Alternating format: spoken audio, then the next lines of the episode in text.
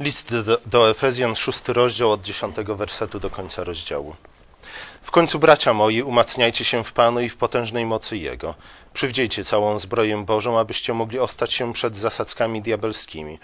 Gdyż bój toczymy nie z krwią i z ciałem, z ciałem, lecz z nadziemskimi władzami, ze zwierzchnościami, z władcami tego świata ciemności, ze złymi duchami w okręgach niebieskich.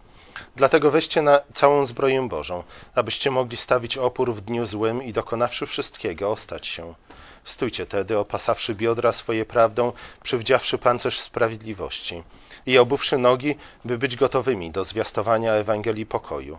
A przede wszystkim weźcie tarczę wiary, którą będziecie mogli zgasić wszystkie ogniste pociski złego. Weźcie też przyłbicę zbawienia i miecz ducha, którym jest Słowo Boże. W każdej modlitwie i próbie i prośbie zanoś, zanoście o każdym czasie modły w duchu i tak czuwajcie z całą wytrwałością i błaganiem za wszystkich świętych. I za mnie, aby mi, kiedy otworzę usta moje, dana była mowa do śmiałego zwiastowania Ewangelii, dla której poselstwo sprawuję w więzach, abym ją mógł z odwagą zwiastować, jak to czynić winienem. O wszystkim zaś, żebyście i wy wiedzieli, co się ze mną dzieje i co porabiam, powiadomi was Tychikus, umiłowany brat i wierny sługa w Panu, którego posłałem do was właśnie po to, abyście dowiedzieli się o tym, co się z nami dzieje i aby pocieszył wasze serca. Pokój niech będzie braciom i miłość wraz z wiarą od Boga Ojca i Pana Jezusa Chrystusa. Łaska niech będzie ze wszystkimi, którzy miłują Pana naszego Jezusa Chrystusa miłością niezniszczalną. Amen. Oto Słowo Boże. Paweł przypomina nam, że Kościół, że jako Kościół Boży toczymy walkę nie tylko ze skorumpowanymi władcami ziemskimi, ale przede wszystkim z siłami demonicznymi, z, kosmine, z kosmicznymi siłami ciemności. Mówiłem o tym przy okazji omawiania drugiego rozdziału, więc teraz nie będę wyjaśniał, kim są, czy też czym są te kosmiczne siły ciemności. Chociaż może pokrótce. Kiedy Adam zgrzeszył, kiedy Adam upadł, jego grzech polegał między innymi na przekazaniu władzy, którą Bóg chciał przekazać Adamowi, po to, żeby Adam władał nad całym światem. Nie tylko Adam, ale też całe jego potomstwo. Adam przekazał tę władzę szatanowi. Przekazał władzę szatanowi armii ciemności. Władzą nad światem armii ciemności. Chrystus przyszedł po to, aby odwrócić ten tok wydarzeń i pozbawić szatana władzy nad światem. W Ewangeliach, pamiętacie, czytamy o tym, iż szatan został wyrzucony z nieba. Jego sytuacja zdecydowanie zmieniła się wraz z przyjściem Chrystusa, a zwłaszcza wraz z jego śmiercią, zmartwychwstaniem i w niebo wstąpieniem, które było e, oznaczało zasiąście przez Chrystusa na tronie w niebie. Decydująca bitwa oczywiście rozegrała się na krzyżu e, i dowodem tego, iż szatan został pokonany na krzyżu, było zmartwychwstanie Chrystusa, ale także były wydarzenia związane z rokiem 70, a więc poprzedzające rok 70 i zniszczenie Jerozolimy wraz ze świątynią prześladowania chrześcijan, ale także samo zniszczenie Jerozolimy było, było znakiem sądu Chrystusa, było też przejawem Jego władzy, między innymi władzy sądowniczej. Wydaje się, że, że, że właśnie z myślą o tych nadchodzących wydarzeniach Paweł napisał list do Efezjan. Ten dzień zły, o którym wspomina w 13 wersecie, to są nadchodzące prześladowania. Prześladowania, w czasie których nie tylko y, odstępczy Żydzi, Żydzi, którzy nie chcieli uznać w Jezusie Mesjasza, ale także władze Rzymu, które do tej pory raczej występowały w obronie Kościoła, nie? o czym świadczy, świadczą dzieje apostolskie, E, także Rzym w tym czasie zwróci się przeciwko chrześcijanom. Pamiętamy, że, że Paweł napisał list do Efezjan w roku, jeśli dobrze pamiętam, mniej więcej 62-3, a więc zaledwie na kilka lat przed prześladowaniami chrześcijan. Prześladowaniami znów, już nie tylko z, z rąk Żydów, ale także z rąk Rzymu. Paweł zatem chce przygotować Efezjan, Kościół do tych wydarzeń, do tego dnia złego. Co nie znaczy, że nie możemy odnieść tych słów Pawła także do, do naszej sytuacji, czy też do innych czasów. E, choć armia demonów już nie panuje nad światem, ich, ich władza jest zdecydowanie ograniczona, to jednak od czasu do czasu siły ciemności wierzgają przeciwko Chrystusowi i Jego Kościołowi. Także również nam przyda się zbroja Boża, o której tutaj Paweł wspomina. Skąd Paweł wziął w ogóle pomysł zbroi Bożej? Czy tak po prostu wstał któregoś dnia rano, e, potem jak się dobrze wyspał i mówi, o, to jest fajna rzecz, nie? Dobrze, dobrze jest wykorzystać może ten obraz po to, żeby nam lepiej uzmysłowić to, co powinniśmy robić, czy też jak mamy się przygotować do, do walki ze złem. E, pewnie tak, nie? Ale z drugiej strony y, Paweł czerpie z pewnych z pewnej symboliki, z pewnych obrazów, także między innymi ze słów proroka Izajasza, y, przedstawiając nam tego wojownika Bożego, czy też człowieka przyodzianego w zbroję Bożą, ale przede wszystkim powinniśmy w tej zbroi Bożej ujrzeć ubiór arcykapłana. Ja wiem, że nam często arcykapłan, nieczęsto arcykapłan e, kojarzy się z wojownikiem, ale zwróćmy uwagę na to, że, że kapłani w domu Bożym pełnili przede wszystkim rolę strażników. Nie? Oni mieli między innymi pilnować tego, aby ludzie nieupoważnieni, ludzie nieprzygotowani w specjalny sposób do tego, nie mogli wejść do świątyni, a przede wszystkim nie mogli zbliżyć się do miejsca najświętszego. Kapłan w Piśmie Świętym jest może nawet w pierwszej kolejności strażnikiem, strażnikiem domu Bożego, ale jeśli strażnikiem domu Bożego, to także strażnikiem ludu Bożego, oblubienicy. W tym sensie Adam był kapłanem. Jego zadaniem było co? Stanie na straży ogrodu, który był domem Bożym, który był świątynią i stanie na straży kogo? Ewy, swojej żony. Nie? Mąż stoi, oblubieniec stoi na straży oblubienicy, mąż stoi na straży swojej żony. Kapłan stoi na straży domu Bożego, czyli innymi słowy jego mieszkańców, a więc ludu Bożego. Gdyby Adam jako kapłan czyli jako strażnik, okazał się godny zaufania i skutecznie obronił dom Boży, skutecznie obronił lud Boży, sprzeciwił się innymi słowy wężowi, to zasiadłby także na tronie jako król i osądziłby szatana. Nie? Najpierw musimy stać się, sprawdzić się w roli kapłana, zanim będziemy mogli e, przejąć funkcję króla. Wiele o tym mówiliśmy. Dlatego nie powinno nas zdziwić to, że Pawłowy opis zbroi Bożej jest zapożyczony jest właśnie z opisu z ubioru arcykapłana, nie? tego szczególnego kapłana, kapłana nad kapłanami. To powiązanie staje się bardziej jasne i wydaje mi się oczywiste, kiedy zwrócimy się do księgi Izajasza. Y, I tak na przykład w 61 rozdziale księgi Izajasza czytamy: Ogromnie się weselę w Panu. Nie? To mówi prorok. Dusza moja raduje się w Bogu moim. Czy też prorok opisuje tutaj, to są słowa wypowiedziane przez sługę pańskiego. Dusza moja raduje się w Bogu moim. Dlaczego? Z jakiego powodu? Bo przyodział mnie w szaty zbawienia. Okrył mnie płaszczem sprawiedliwości, jak oblubieńca, który wkłada zawój, jak oblubienicę strojną w swoje klejnoty. Wcześniej, 59 rozdziale Księgi Izajasza czytamy, E, I tutaj sam Bóg przemawia, czy też prorok opisuje Boga. Bóg przywdział sprawiedliwość jak pancerz i hełm zbawienia. Czytaliśmy o przyłbicy zbawienia, ale przyłbica i hełm są tym samym. I hełm zbawienia włożył na swą głowę. Przyoblókł się w odzienie pomsty, jakby w suknię, i jakby płaszczem okrył się zazdrosną miłością. E, pierwszy tekst zatem mówi o słudze pańskim, o słudze pańskim, który reprezentuje lud Boży. Drugi tekst mówi o, o samym Bogu. Nie? Jeden i drugi ubiera się w podobny sposób. Innymi słowy, e, lud Boży ma uzbroić się tak, jak czyni to Bóg, ze względu na to, że Bóg jest królem nad całym światem. My jesteśmy, moglibyśmy powiedzieć, wicekrólami, czy też wiceregentami. W Jego imieniu mamy sprawować władzę nad światem. Nie tylko walczymy z tymi samymi wrogami, ale też mamy walczyć w podobny sposób, w jaki Bóg walczy ze swoimi wrogami. Nie? Dlatego, dlatego, co?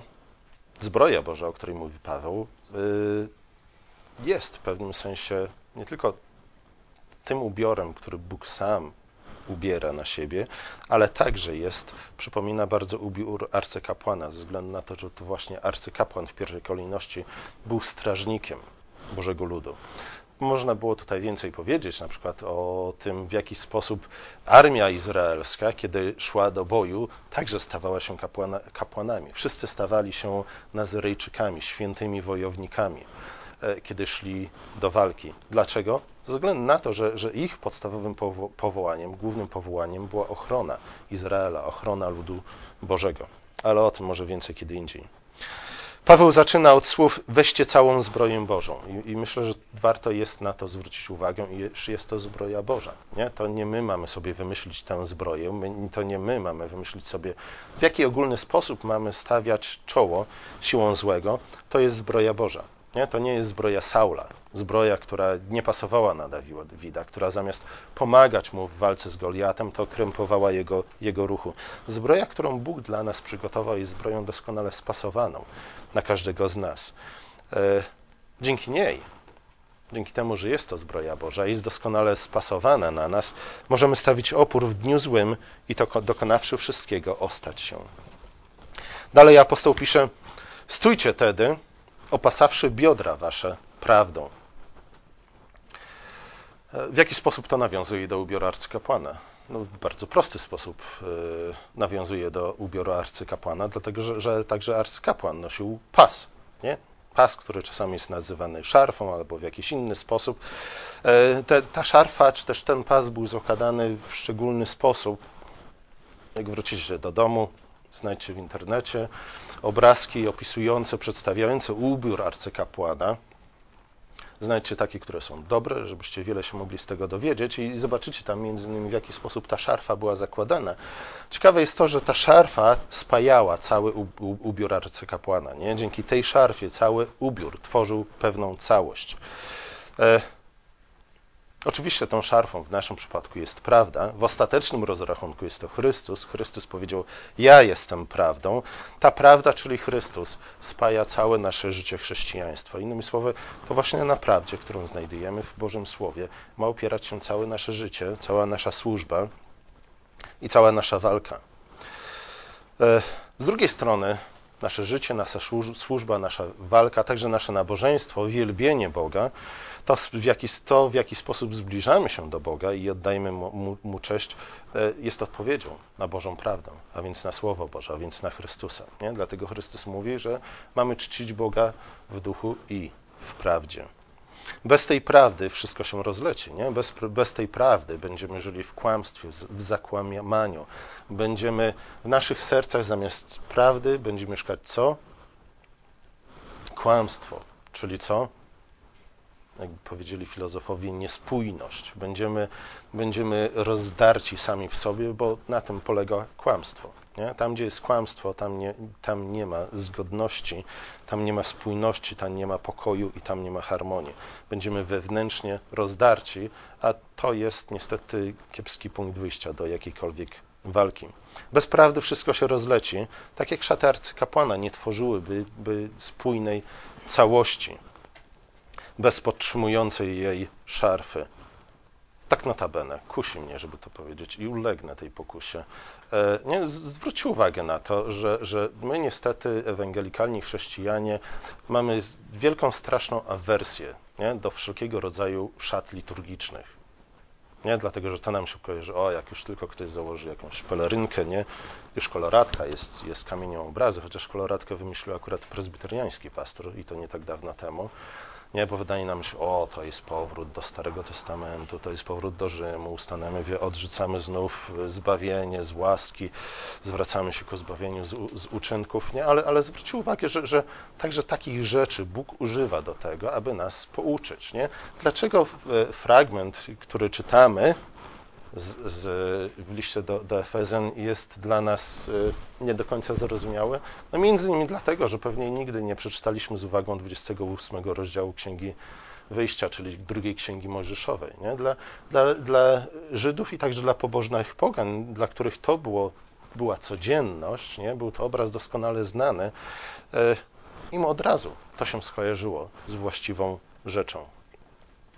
Dobra, idziemy dalej. Następnie Paweł mówi o pancerzu sprawiedliwości. Nie, jeszcze puentą się, puentą się z wami nie podzieliłem. Nie? Puenta jest taka, że, że nie? Y, znów, oczywiście często podkreślamy to, iż y, słuchanie jest ważniejsze od oglądania. Nie? Ale jeśli już coś usłyszeliśmy, to później oglądanie często bywa dla nas bardzo przydatne. Nie? Kiedy, kiedy patrzymy, usłyszawszy wcześniej, wiemy na co patrzymy, wiemy w jaki sposób, sposób to zinterpretować, i wtedy jedno spojrzenie, co? Jest w stanie przypomnieć nam bardzo wiele z tego, co usłyszeliśmy. Innymi, innymi słowy, e, środowisko, w jakim wielbimy Boga, e, nawet to, w jaki sposób ubieramy się na nabożeństwo, nie, powinno nam przypominać o pewnych e, prawdach, które, które są ukryte w tych właśnie symbolach. Idźmy dalej. Paweł następnie mówi o pancerzu sprawiedliwości. Pancerz sprawiedliwości, kiedy myślimy o pancerzu sprawiedliwości, to nam się przypomina oczywiście co? Jakiś Rudy 102 albo, albo co najmniej e, rycerz średniowieczny, nie? Oni cali chodzili opancerzeni. E, ale znów, czy arcykapłan nosił pancerz sprawiedliwości na sobie? Czy arcykapłan nosił jakikolwiek pancerz na sobie? Oczywiście, jak najbardziej. Nie? Ten pancerz nazywał się pektorałem. E, była to tablica z dwunastoma, złota tablica z dwunastoma e, drogimi kamieniami, które oczywiście reprezentowały cały Izrael, 12 pokoleń Izraela i w tym pektorale, e, zwanym też często napierśnikiem, napierśnikiem wyroczni, kryły się co? Dwa kamienie, Urim i Tumim, służące do komunikowania się z Panem Bogiem. Nie? Często da Dawid na przykład korzystał z tego, by komunikować się z Bogiem. Oczywiście Pan Bóg przy pomocy tych dwóch kamieni, Urim i Tumim, co? Udzielał odpowiedzi tak albo nie.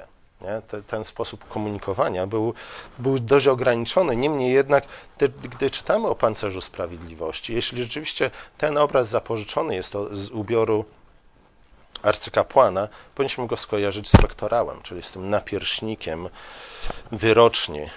Jeśli to uczynimy, to zrozumiemy, o jaką sprawiedliwość tutaj chodzi. Nie? Tu nie chodzi o naszą sprawiedliwość, tu nie chodzi o nasze prawe postępowanie. W pewnym sensie tak, ale nie do końca. Zobaczcie, aranżacja opisu zbroi Bożej sugeruje, że Paweł chce zakomunikować nam, iż jako wojownicy Boży mamy podejmować decyzje w oparciu o prawdę objawioną nam w Chrystusie. Nie? Te dwa e, kamienie Urim i Tumim objawiały wolę Bożą. Nie? Do nich odwoływano się, kiedy? Kiedy miano podjąć bardzo ważną decyzję: iść na wojnę, nie iść na wojnę. Nie? Zawrzeć pokój z tym królem, czy nie zawierać pokój z tym królem. To w oparciu o prawdę Bożą mamy podejmować te, te decyzje. Zwróćmy uwagę na to, że to zwykle król zwracał się do arcykapłana, żeby posłużył się tymi dwoma kamieniami przy podejmowaniu decyzji związanych z urzędem króla.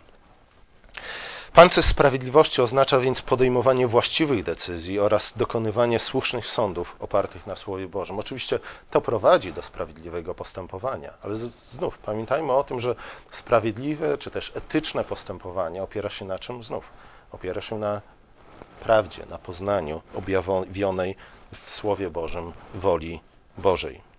Nie chodzi tu więc tylko i wyłącznie o osobistą pobożność, ale przede wszystkim o sprawiedliwe sprawowanie rządów, sprawowanie władzy udzielonej nam przez Boga. I znów, to oczywiście też prowadzi do, do osobistej pobożności, ale jest to przypomnienie, ten obraz powinien przypominać nam o tym, że nie, nie możemy nawet śnić o tym, że, że będziemy ludźmi sprawiedliwymi, czy też będziemy ludźmi pobożnymi, jeśli nie będziemy podejmować decyzji w naszym życiu w oparciu o właściwe przesłanki, a te właściwe przesłanki znajdziemy w Słowie Bożym. Jesteśmy już ubrani, więc yy, nie, nie jesteśmy jeszcze ubrani. Coś mi uciekło. Coś mi uciekło. Coś mi uciekło. A może jesteśmy. Dobra, jesteśmy już ubrani. Możemy iść do, do walki, pora do wymarszu. Yy, dlatego teraz też Paweł mówi o czym? O butach obuwiu. O butach, których, którymi jest gotowość głoszenia dobrej nowiny o pokoju. E, to przypomina nam, co jest celem naszej walki. Nie? Celem naszej walki jest pokój. O to zabiegamy, o to nam chodzi. Ja wiem, że Stalin też mówił, że on dąży do pokoju i to wszech, wszechświatowego, nie, ale był kłamcą. My nie chcemy być kłamcami, na pewno Paweł nie, nie jest kłamcą. W jaki sposób nie, nie będziemy kłamcami? W taki sposób, że rzeczywiście będziemy zabiegać o pokój. Nie? To jest celem naszej walki. Pokój nie jest czymś, co jest brakiem walki. Nie? Bardzo często trzeba właśnie walczyć o to, żeby za, zapanował pokój. Pokój to jest harmonia, pokój to jest życie oparte na prawdzie, to jest życie sprawiedliwe i pobożne. Dlatego głównym orężem w naszej walce jest Ewangelia i znów Ewangelia o pokoju, jak przypomina nam Paweł. Kto odrzuci pokój z Bogiem, ten oczywiście doświadczy czego? Przekleństwa, czy też sądu Bożego. Je, je, jeśli, zanim jednak odrzuci pokój z Bogiem, musi otrzymać ofertę pokoju. Ciekawe jest to, że, że dokładnie takie były e, zasady prowadzenia wojny, które Bóg ustanowił przez Mojżesza. Izrael, e, kiedy szedł atakować jakieś, jakieś miasto, miał najpierw wysłać im ofertę pokoju. Jeśli takie miasto nie chciało się poddać i zawrzeć pokoju z Izraelem, wtedy Izraelici mogli je zaatakować. E, ciekawe jest też to, mówiąc już o butach, że kiedy Izrael szedł przez pustynię, ich obuwie się nie zużywało, podobnie jak ich szaty. E, czy to ma jakieś znaczenie dla nas? Być może ma. Jak, jak pod koniec kazania powiem, ten opis jest związany z wędrówką przez pustynię. Ten opis jest związany z przygotowaniem do zajęcia ziemi obiecanej, zajęcia Kanaanu. Wydaje mi się, że, że powinniśmy poczynić to połączenie, bo, bo Bóg chce, abyśmy przy pomocy Ewangelii e, doszli na krańce świata. Nie? W ten sposób mówi nam, mówi Chrystus swoim uczniom w pierwszym rozdziale dziejów apostolskich, chyba w ósmym wersecie, że, że chce, abyśmy zwiastowali Ewangelię gdzie? W Jerozolimie, w Samarii i aż po krańce świata. Bóg chce, abyśmy przy pomocy Ewangelii pokoju zdobyli dla Niego świat, dlatego dał nam buty i dał nam ubranie, które nigdy się nie zużyje. Następnie Paweł mówi o, o tarczy wiary. Nie? Tarcza też się przydaje. Mówi, że dzięki tarczy wiary będziemy mogli zgasić wszystkie ogniste pociski złego. I znów, e, co to ma wspólnego z zbiorem arcykapłana? Może zaraz zobaczymy, ale przede wszystkim po, powinniśmy się zastanowić nad tym, e, co Paweł ma na myśli, mówiąc o wierze. Nie? Czasami mówi się, e, tłumacząc ten fragment, że to my, nasza wiara musi być silna. Innymi słowy, nie, nie wolno nam nigdy zwątpić. My musimy być zawsze pewni tego, co Bóg nam obiecuje i, i tak i nie, nie. Ale musimy pamiętać o tym, że, że wiara y, w pewnym sensie jest czymś subiektywnym, nie? Jest, jest czymś, y, co my robimy, nie? czy też co my okazujemy, ale z drugiej strony e, siła naszej wiary nie wynika z naszej własnej siły, nie wynika z naszych własnych wysiłków, z naszych własnych zabiegań, ale siła naszej wiary y, przede wszystkim wynika z czego? Z tego, komu ufamy, z tego, komu zawierzyliśmy. Psalmy bardzo często przypominają nam o tym, że w ostatecznym rozrachunku, co jest naszą tarczą. Czy raczej powinniśmy zapytać, kto jest naszą tarczą? Nie? Naszą tarczą jest sam Pan Bóg. Po raz pierwszy Bóg nazywa się naszą tarczą e, w rozmowie z Abramem, zanim jeszcze Abram stał się Abrahamem. Abram dopiero co pokonał armię pięciu królów, być może nie wielkich królów, ale wciąż królów, mając zaledwie 318 ludzi z sobą. Wielkie zwycięstwo. Nie? Ale, ale Abram wiedział, pewnie zdawał sobie sprawę doskonale z tego, że, że ci królowie nie, w końcu wyliżą swoje rany, w końcu się zreorganizują i wrócą, żeby pobić Abrama. Nie, tym razem będą lepiej przygotowani do bitwy, e, by pomścić na, się na Abramie. Wtedy przychodzi do niego Bóg i mówi do niego: Nie bój się, jam tarczą twoją. Nie, nie bój się, Abramie, e, to przeze mnie się wplątałeś w tę walkę, dlatego ma, musisz polegać na mnie, musisz mi zaufać, musisz wykonywać moje rozkazy, nawet jeśli do końca ich nie rozumiesz. Nie? I z naszym życiem, z Bogiem też tak ma być. Nie? To nie chodzi o to, że, że nasza wiara ma być irracjonalna, że, że mamy być. Yy, nie powinniśmy nigdy zabiegać o to, żeby zrozumieć, dlaczego Bóg każe nam w danej chwili zrobić to czy tamto, nie? ale zobaczcie, że, że tak jak ojcowie Kościoła nas nauczyli, wierzymy po to, żeby zrozumieć. Nie? Nigdy nie powinniśmy odwracać tego. Nigdy nie powinniśmy y, wierzyć tylko w to, co do końca zrozumieliśmy. Rozmowa toczy się dalej, a Abram w odpowiedzi na to zapewnienie Boże, nie? Bóg przychodzi do niego, Bóg uspokaja go i Bóg zachęca go do tego, aby mu dalej ufał. Nie? I, w odpowiedzi na te słowa, słowa Boże, na te obietnice, na to zapewnienie ze strony Boga, Abraham wyraża swoją, potwierdza swoją wiarę. Jeszcze raz wyraża swoje, swoje zaufanie i, i wtedy Pismo stwierdza, że ta wiara została mu policzona jako sprawiedliwość. Wtedy Abraham został usprawiedliwiony na podstawie swojej wiary. To znaczy, że kiedy idziemy do walki, nie, w zasadzie każdego tygodnia idziemy do walki, gdy wchodzimy z nabożeństwa, e, musimy polegać na Bożej ochronie i Jemu zaufać. Dla upamiętnienia tego, nie, że Bóg jest naszą tarczą, Salomon umieścił w świątyni 300 złotych tarcz. To jest bardzo ciekawe, dlatego że e, gdyby nasze wojsko chciało, czy też nasz minister obrony czegoś tam chciał wyposażyć żołnierzy w złote tarcze, czy też złote czołgi, to oczywiście od razu mm, co by się zaczęło? Dyskusja, nagonka na biednego ministra, nie? Że głupi, że, że złote czołgi nie? No bez sensu. Po, dlaczego bez sensu? Po pierwsze, że drogie, po drugie, że, że ciężkie, po trzecie, że nieskuteczne. Złoto jest bardzo miękkim metalem. Dlaczego Salomon sprawił sobie 300 złotych tarcz? Czy to była, było wyrazem tylko i wyłącznie jego próżności? Nie? O co Salomona łatwo można było posądzić? Niekoniecznie. Kiedy król brał y, udział w różnego rodzaju ceremoniach, był właśnie otoczony swoją osobistą gwardią, trzystoma gwardzistami. Każdy z nich trzymał tę złotą tarczę. Y, obraz ten przypomina nam to, co widzimy w niebie. Nie? Bóg także jest otoczony swoimi, przez swoje wojsko, przez jego wojsko, które często właśnie, gdy spoglądamy na nie, wygląda jak złoto. Złoto jest w Piśmie Świętym symbolem chwały boskiej chwały. E, tych złotych tarcz nigdy nie używano w, do walki. Nie? Były tylko i wyłącznie używane w czasie różnego rodzaju oficjalnych ceremonii. E, król otoczony wojownikami trzymającymi, trzystoma wojownikami trzymającymi te złote tarcze, był więc obrazem nie tyle króla wojującego, króla, który znajduje się w samym środku bitwy i walki, ale jest obrazem jakiego króla? Króla zwycięskiego, nie? króla pokoju, który, króla, który dzięki swojemu zwycięstwu zapewnił swojemu krajowi i narodowi pokój. Dla nas oznacza to, że Królestwo Niebieskie zostało już ustanowione. Nie? Te złote tarcze Salomona powinny nam przypominać to, iż Królestwo Niebieskie zostało ustanowione, krzyż, Golgota, zmartwychwstanie i w niebo wstąpienie, to wszystko już jest za nami. Nie? Królestwo Boże nadeszło, Królestwo Boże już jest między nami. Oczywiście jeszcze nie do końca, jeszcze nie w pełni je, Jego doświadczamy, jeszcze nie doświadczamy Jego pełni, a niemniej jednak Królestwo Boże jest już ustanowione. Decydująca bitwa rozegrała się na krzyżu i wygrał ją Bóg.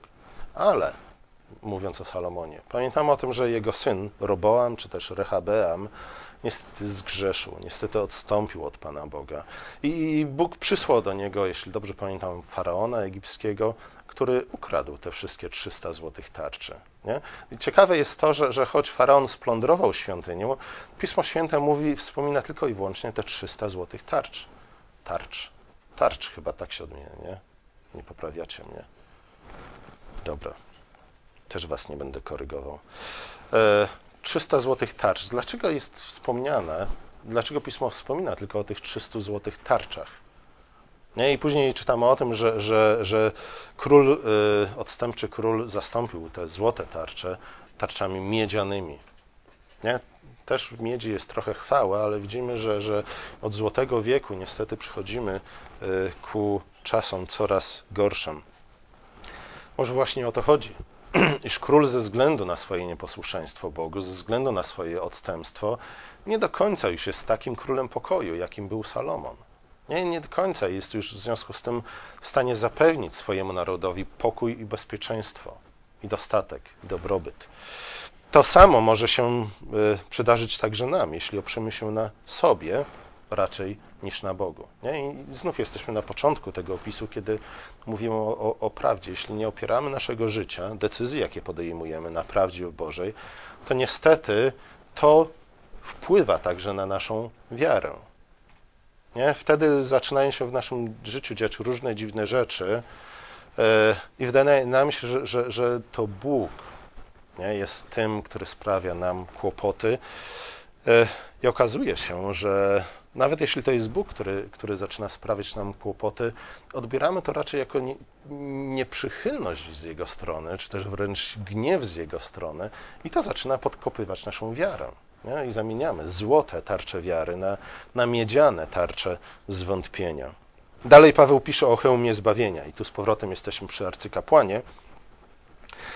Arcykapłan nosił na głowie coś w rodzaju hełmu. Niezwykle arcykapłan nam, wydaje nam się, że nosił na głowie co? Pamiętacie, co nosił arcykapłan? Turban?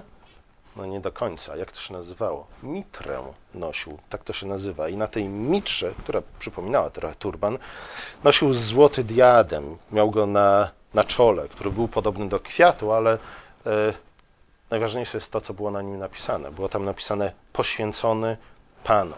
Nie? Ten diadem był hełmem zbawienia dla arcykapłana. Gdy arcykapłan wchodził do miejsca najświętszego, Bóg widział ten diadem, na którym mógł przeczytać poświęcony Panu, nie? i ten diadem, z tym napisał, był tym, co chroniło arcykapłana przed czym? Przed gniewem Boga. Arcykapłan oczywiście był człowiekiem, potomkiem Adama. Arcykapłan, podobnie jak wszyscy potomkowie Adama, urodził się pod przekleństwem Adama. Przekleństwem Adama, w którym Bóg powiedział, że co? Że człowiek na swoim czole od tego czasu znajdzie, co będzie znajdował? Pot. Nie?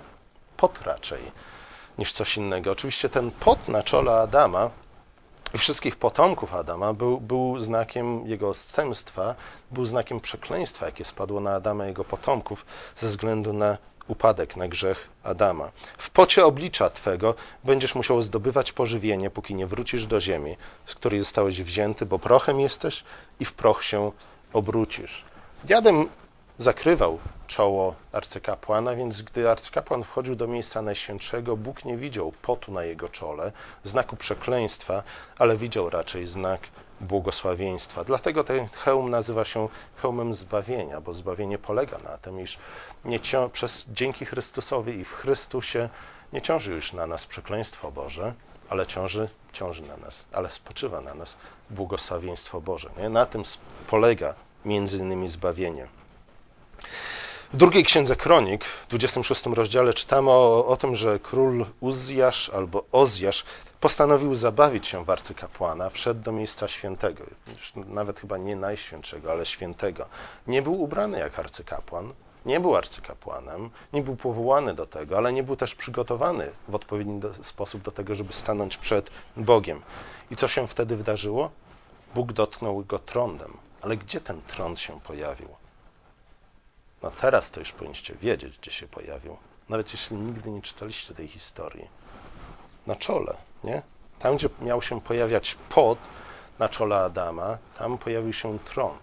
Nie? Nie wiem, czy kiedyś się spociliście mocno na czole. Nie? Szliście, szliście po górach, wchodziliście na śnieżne kotły, później musieliście z nich zejść, spociliście się, bo było lato, 35 stopni, nie?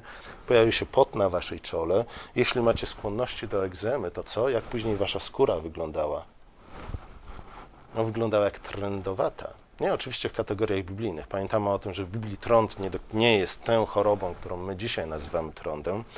Trąd oznaczał przede wszystkim skórę łuszczącą się, przebarwioną, bladą, skórę, która y, prowadzi, mogła, czy też było chorobą, która mogła prowadzić do tego, że ta skóra stanie się przezroczysta i można będzie zobaczyć to, co jej się kryje pod skórą. Y, dlatego w Piśmie Świętym pot bardzo często jest y, zestawiany razem z tym trądem, nie? Bo, bo skutki mogły być podobne. Król pozostał trendowaty do końca życia, E, ze względu na to, że, że stanął przed Bogiem jako człowiek przeklęty, nie, nie był w żaden sposób chroniony. Nie? Tak jak arcykapłan był chroniony przed gniewem Boga, diademem czy też hełmem zbawienia, który nosił na, na swojej głowie, który przykrywał jego pot, pot jego czoła zakrywał przekleństwo e, i dzięki temu arcykapłan mógł w imieniu całego ludu przyjąć błogosławieństwo Boże. Trąd, dlatego trąd występuje w Piśmie Świętym jako, jako szczególna choroba. Nie? Choroba, która sprawiała, że ludzie musieli żyć z dala od osiedli izraelskich, z dala od wspólnoty izraelskiej. Nie dlatego, że trąd sam w sobie był grzeszny, nie? ale właśnie z tych względów symbolicznych, liturgicznych i pedagogicznych. Trąd przypominał nam o przekleństwie Adama. Zbawienia polega na zastąpieniu przekleństwa błogosławieństwem. Dlatego arcykapłan miał na czole złoty diadem, znak błogosławieństwa i znak zbawienia zamiast potu, czyli znaku upadku i przekleństwa. Na koniec Paweł wymienia miecz ducha, którym jest Słowo Boże księdze Jozłego w piątym rozdziale czytamy o tym, że Jozue zaraz przed y, zajęciem Kanaanu spotkał wodza zastępów niebieskich. Nie? I ten wódz zastępów niemieckich miał w ręku wyciągnięty, obnażony miecz, gotowy do tego, aby poprowadzić Izrael do podbicia Kanaanu.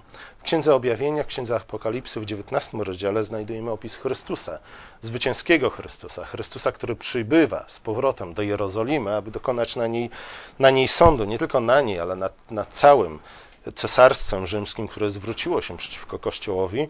I tam Chrystus przedstawiony jest jako ten, z którego ust wychodzi miecz obesieczny, przy pomocy którego podbija narody. Nie? Ten miecz obosieczny, nie zapominajmy, jest Ewangelią pokoju. Nie? Na tym polega walka, którą toczy Chrystus, i na tym powinna polegać nasza walka.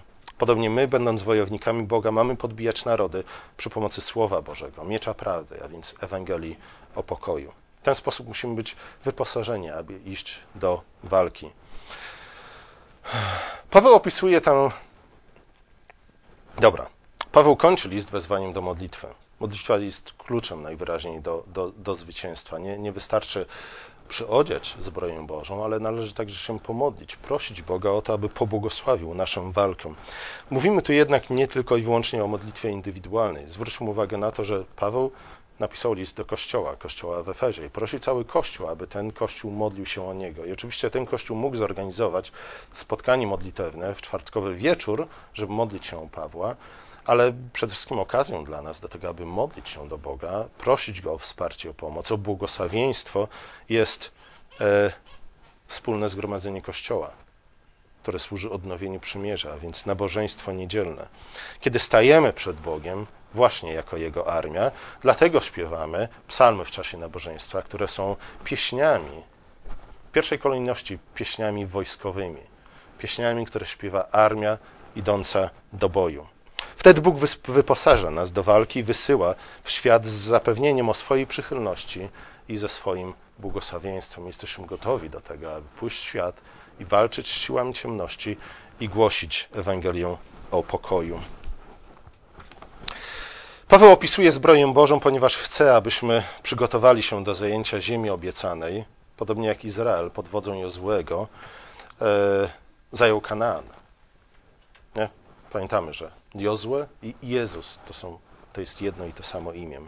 Bóg wyposażył nas do wszystkiego, czego potrzebujemy do zwycięstwa.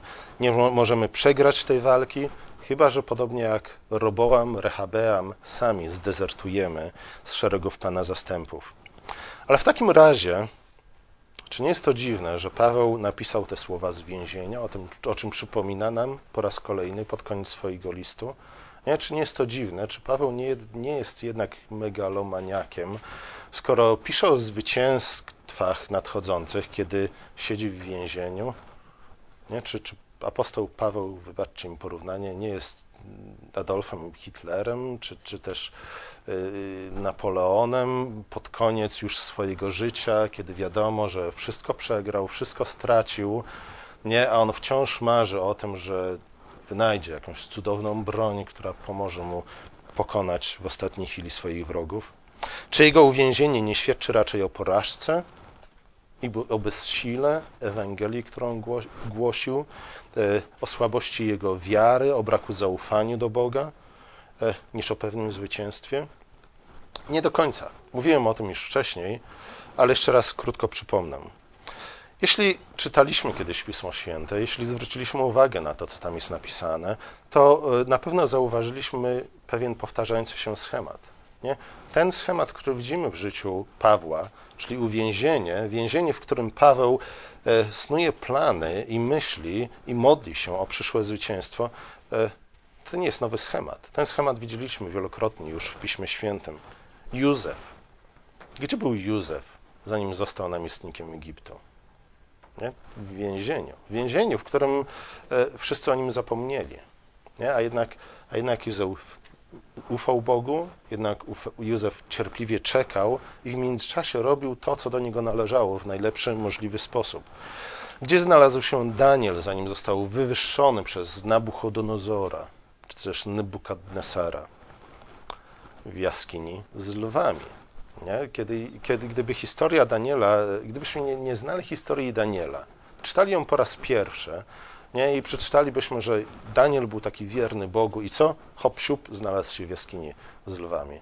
E, gdybyśmy nie znali tego, jak ta historia się kończy, moglibyśmy łatwo dojść do wniosku, że, że Daniel najwyraźniej popełnił pewne błędy. Nie? Być może źle rozmawiał z królem, być może był zbyt bezkompromisowy, być może pewne rzeczy powinien przemilczeć wcześniej, po to, żeby okazać się bardziej skuteczny w polityce. E, ale nie, znamy historię Daniela i wiemy, że, że to, iż znalazł się w jaskini z lwami, było koniecznym krokiem do tego, aby następnie został wywyższony przez króla. Oczywiście przede wszystkim powinniśmy spojrzeć na Chrystusa. Nie? Krzyż sam w sobie wydawał, wydawał się największą klęską i porażką, jaką ktokolwiek kiedykolwiek poniósł z historii świata. A jednak, nie? A jednak to nie był koniec. Paweł chce, abyśmy pamiętali o tych wydarzeniach, o tych historiach, abyśmy pamiętali o tym schemacie. E, Paweł chciał, żeby Efezjanie pamiętali o tym schemacie, żeby nie stracili ducha, wiedząc, że Paweł znalazł się w więzieniu, ale właśnie ze względu na to, iż Paweł znalazł się w więzieniu, ze względu na Ewangelię, którą głosił, oczekiwali e, odpowiedniego rozwoju wydarzeń. Nie? W oparciu o schemat, jaki wcześniej znajdujemy w Piśmie Świętym. To samo oczywiście możemy odnieść do siebie. Nie? Jeśli znajdziemy się w więzieniu, dosłownie, czy też metaforycznie, czy też na pustyni, yy, i znajdziemy się tam nie ze względu na własną głupotę i grzech, nie? ale znajdziemy, znajdziemy się tam ze względu na to, że wiernie służymy Chrystusowi, powinniśmy wiedzieć, czego oczekiwać. Powinniśmy wiedzieć, co nastąpi później. Nasz drogi łaskawy Ojcze, dziękujemy Ci za list apostoła Pawła do Efezjan. Dziękujemy Ci za to, że mogliśmy go przestudiować lepiej, poznać go lepiej. Prosimy Cię o to, aby e, nauka w nim zawarta e, pozostała w naszych sercach, aby ona stała się przewodnikiem dla naszych nóg. Przede wszystkim dziękujemy Ci za, za zbroję Bożą, w którą na, nas wyposażyłeś. Prosimy Cię o to, abyś zechciał nam teraz błogosławić w walce, do której nas posyłasz. W imieniu Twojego Syna. Amen.